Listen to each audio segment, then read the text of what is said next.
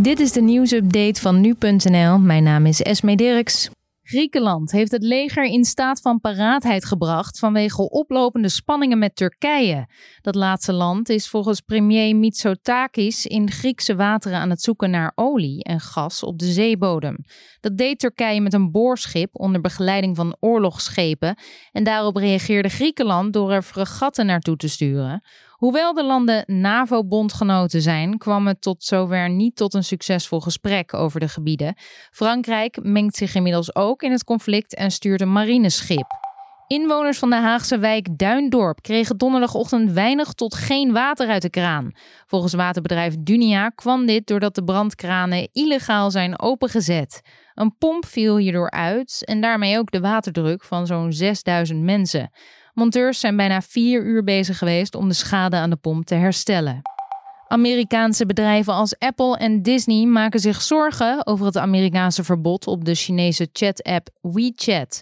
Dat schrijft de Wall Street Journal. Dit kan namelijk ernstige gevolgen hebben voor hun concurrentiepositie in China. President Trump ondertekende vorige week een decreet dat alle transacties met WeChat verbiedt.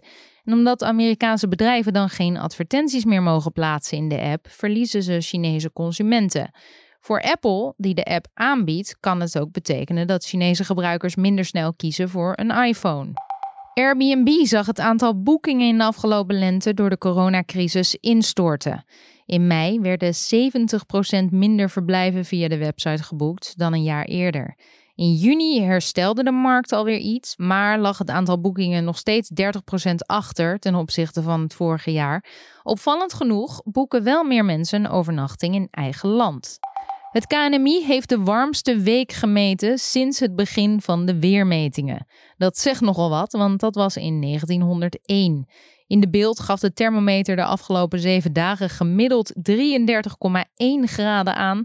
Een graad warmer dan het vorige weekrecord, dat was in 1975.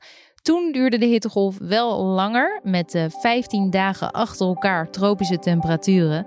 Want aan deze warme week komt uh, langzamerhand een einde. De hoge temperaturen houden de komende dagen nog wel aan, maar zullen niet meer zo pieken als op het moment. En dit was dan weer de nieuwsupdate.